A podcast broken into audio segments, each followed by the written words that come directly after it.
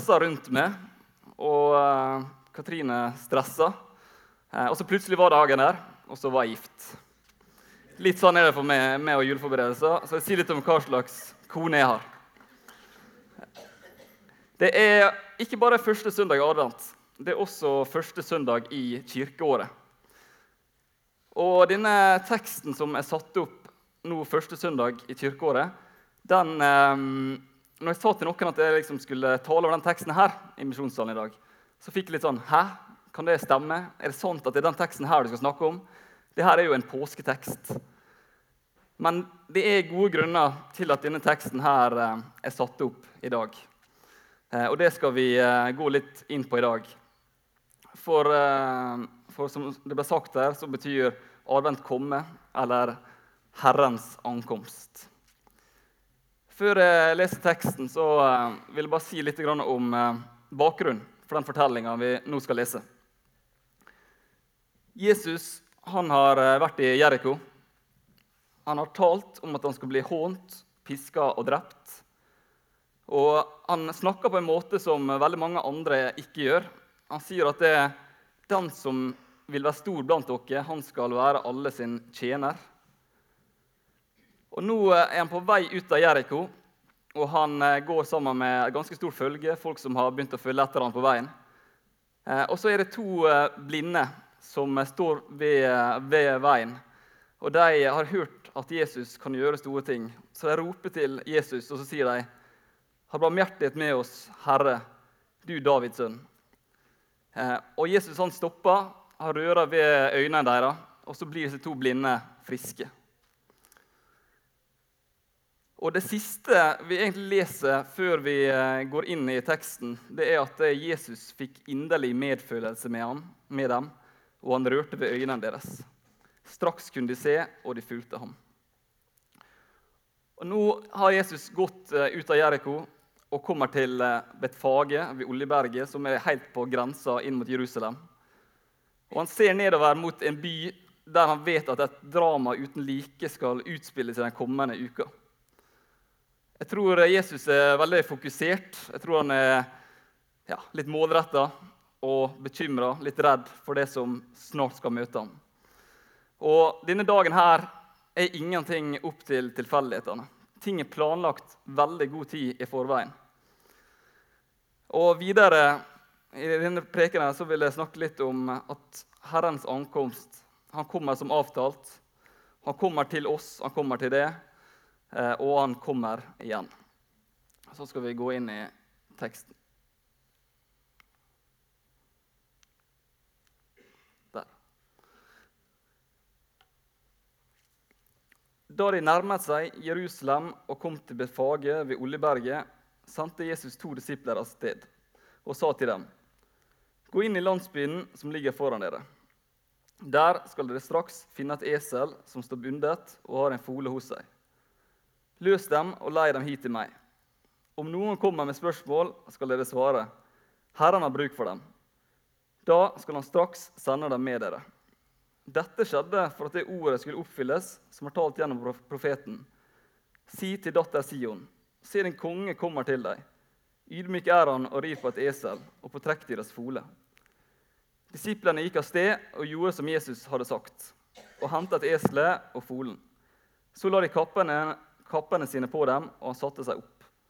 Mange i folkemengden bredte kappene sine utover veien, andre skar greiner av trærne og strødde på veien. Eh, og Mengden som gikk foran, og de som fulgte etter, ropte Hosianna, Davids sønn, velsignet er han som kommer i Herrens navn. Hosianna i det høyeste. Da han dro inn i Jerusalem, ble det uro i hele byen, og de spurte, 'Hvem er dette?' Og mengden svarte, 'Det er profeten Jesus fra Nasaret i Galilea'.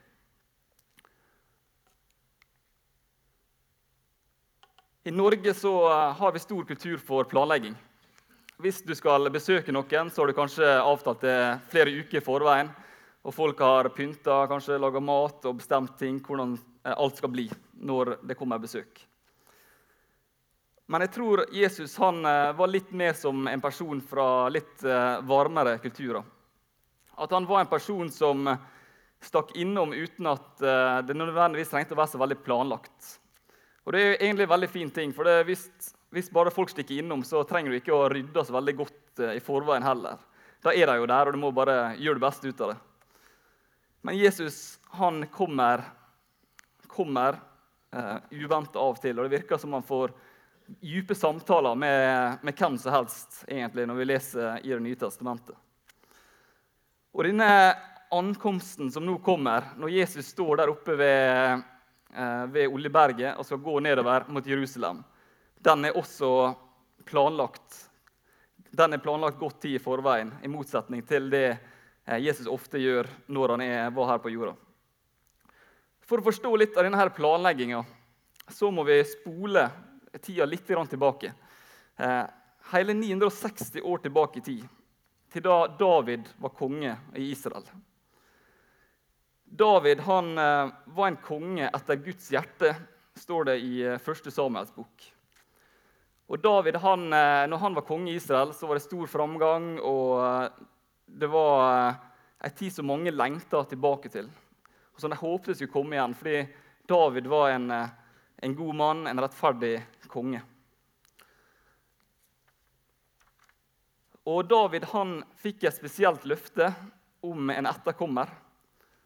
Eh, det står eh, at eh, i store løftet til David at når dine dager er til ende, og du hviler hos dine fedre, vil jeg reise opp din etterkommer, en av ditt eget kjøtt og blod, til å etterfølge deg.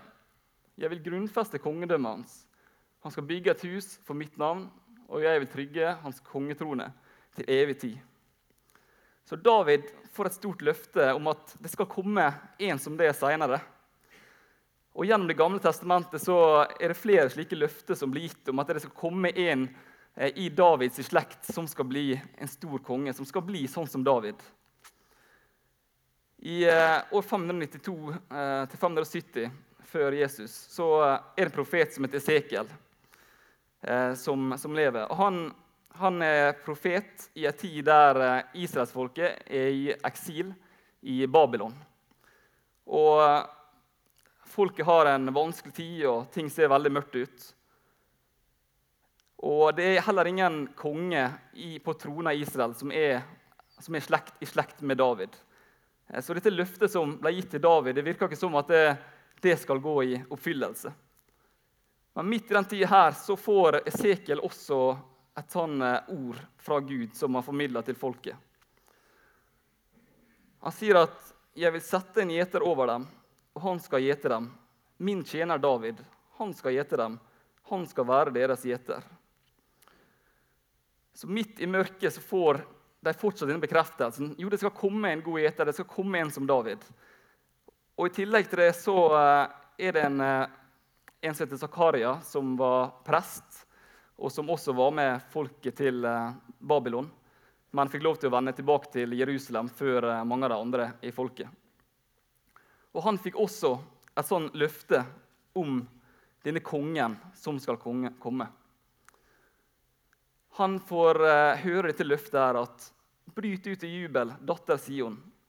Rop av glede, datter Jerusalem. Se, din konge kommer til deg rettferdig og rik på, esel, eh, på seier. Fattig er han og rir på et esel, på en eselfole. Så I tillegg til disse løftene her som eh, både Sekiel får og Zakaria får, så er det flere løfter om denne store, rettferdige kongen som en dag skal komme.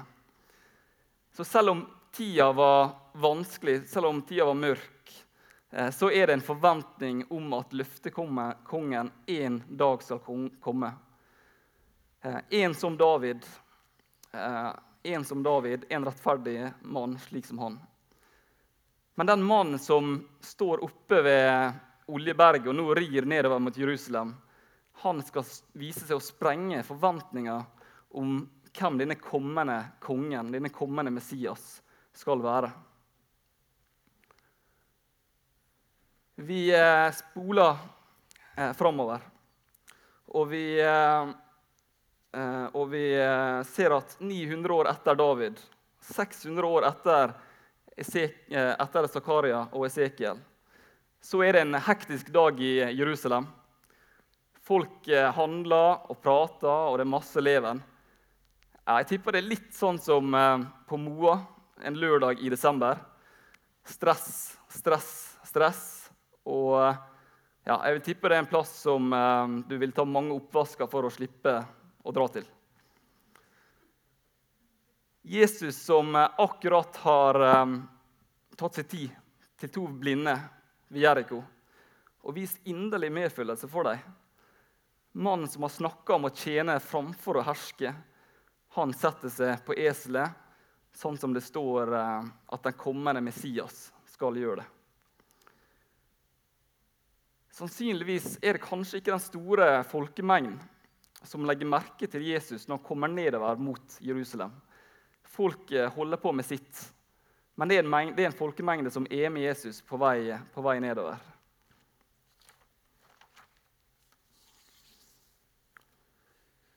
Og På vei nedover mot byen så legger folkemengden kappene sine foran Jesus.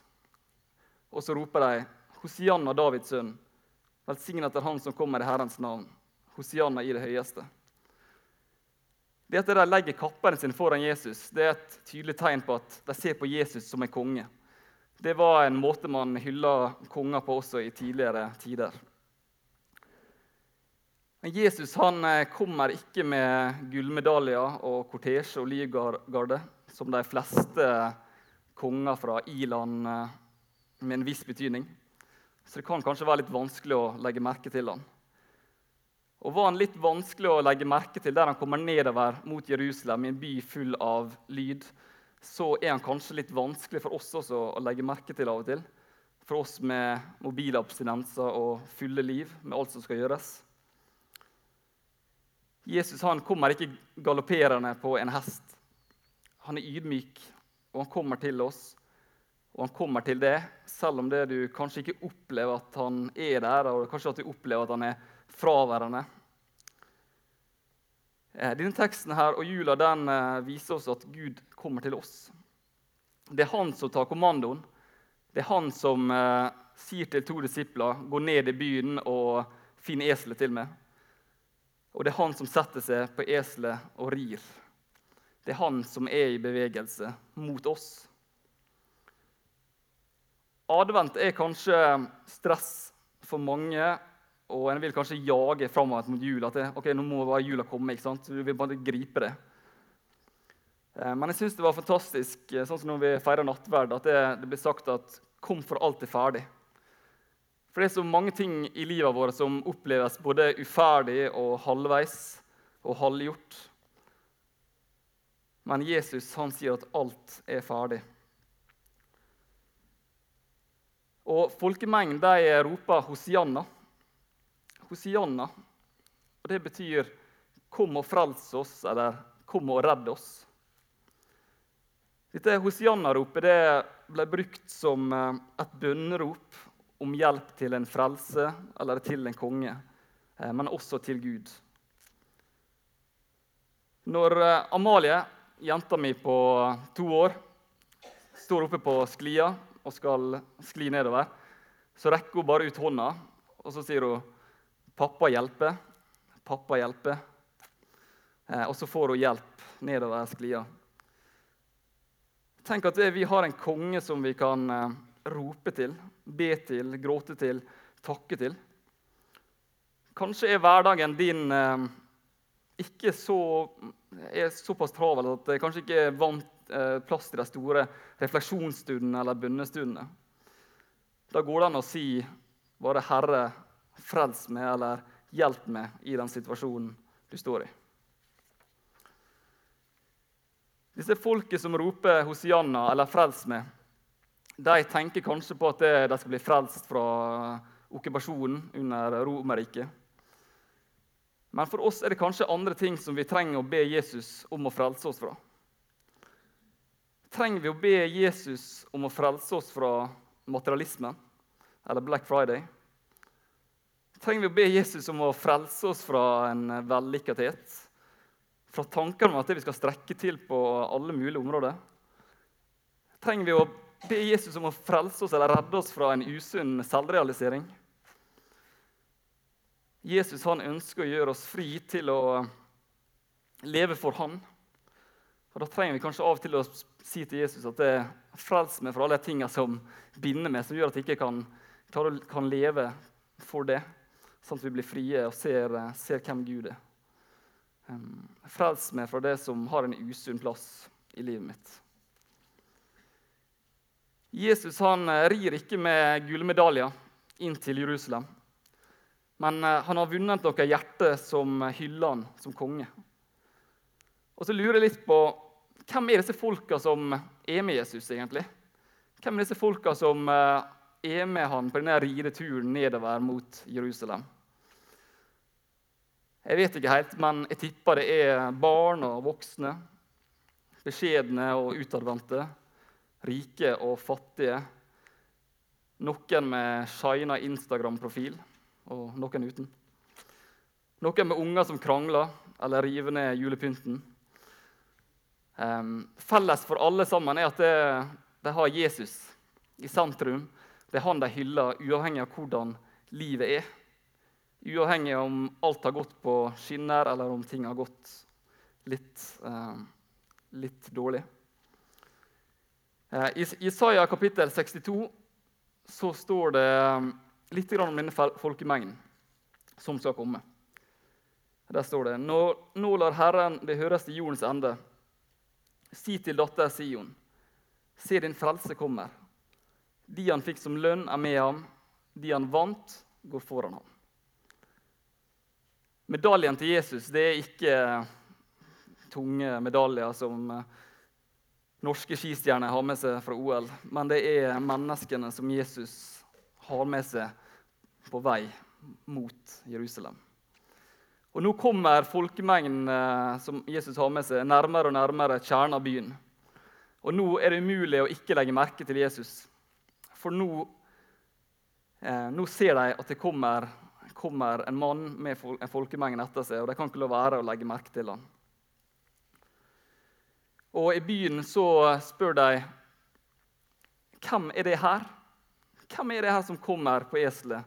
Hvem er disse folka som har kommet inn i byen vår?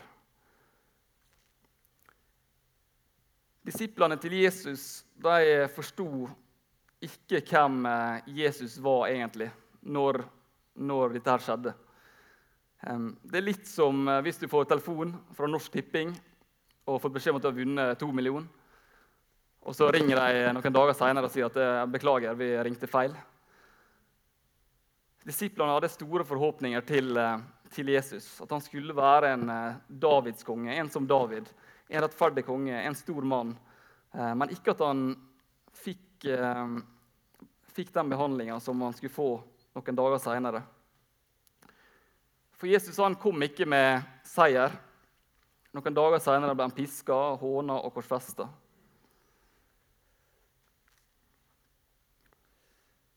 Og eh, Litt seinere i Matteusevangeliet så står det at det det samme hyllingsropet som Jesus fikk av disiplene på vei inn mot Jerusalem, eh, det skal han en gang få i framtida.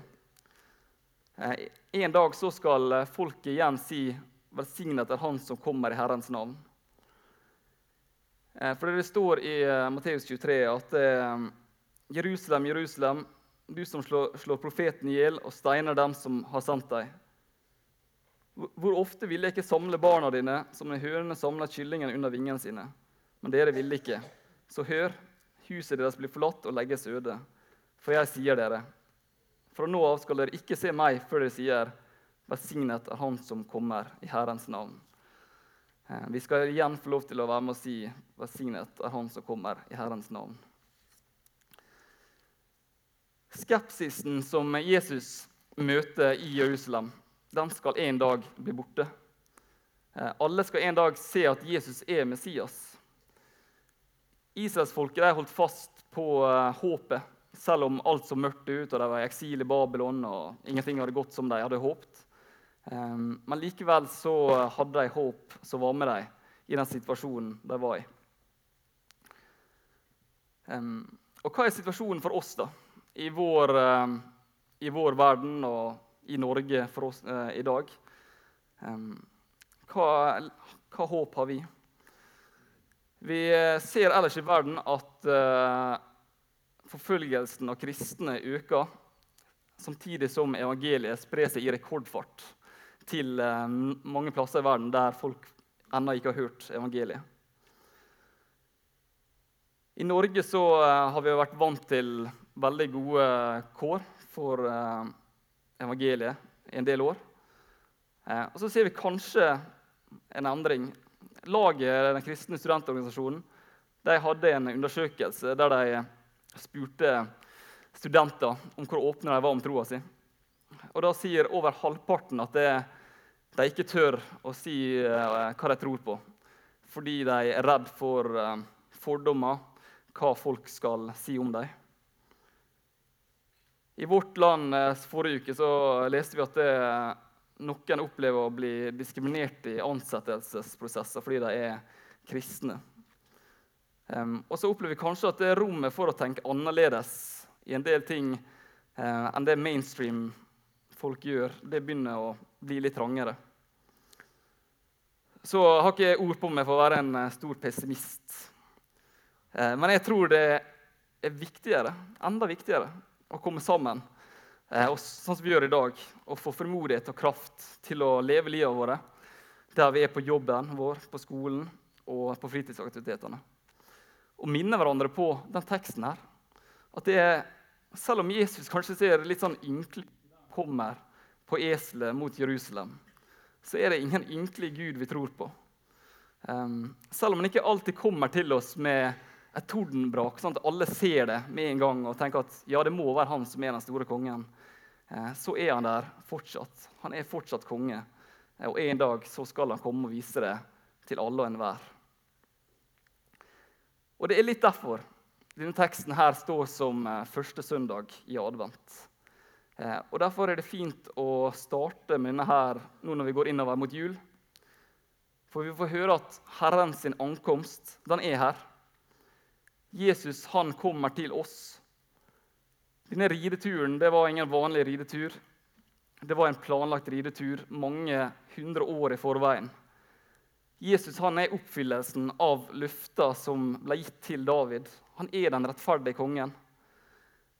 Kongen som var av den samme slekt som eh, David, han, han ble kanskje båret på eh, Maria sitt, i Maria sin mage på vei til Betlehem, hvor han ble født. Og Det kan godt være at det var på et esel han ble båret dit. Og nå når han rir inn til Jerusalem, så er det kanskje heller ikke med noen stor glamourfaktor. Eh, men på eselet som symboliserer at han kommer med fred. Denne teksten her, som vi har lest, den inviterer oss til å løfte blikket vårt opp fra handleposen, opp fra kalenderen, eh, og se at det du skal få lov til å være en del av en mye større historie enn gløgg, pepperkaker og amerikanske julenisser. Og se at Herren han kom som han sa. Han kom til oss, og han kommer igjen. Teksten om Jesus sitt inntog i Jerusalem det peker på at det lille barnet som vi feirer i jula, han skal en dag bli voksen og ri inn i Jerusalem for å gi livet sitt eh, og vinne over døden. Slik at vi kan få lov til å være med og si 'Velsignet er Han som kommer i Herrens navn'. Kongen kom, han kom til og for oss, og han kommer som avtalt. Den barmhjertige og ydmyke kongen er fremdeles blant oss. Og en dag skal hans makt og herlighet bli synlig for oss alle. Amen.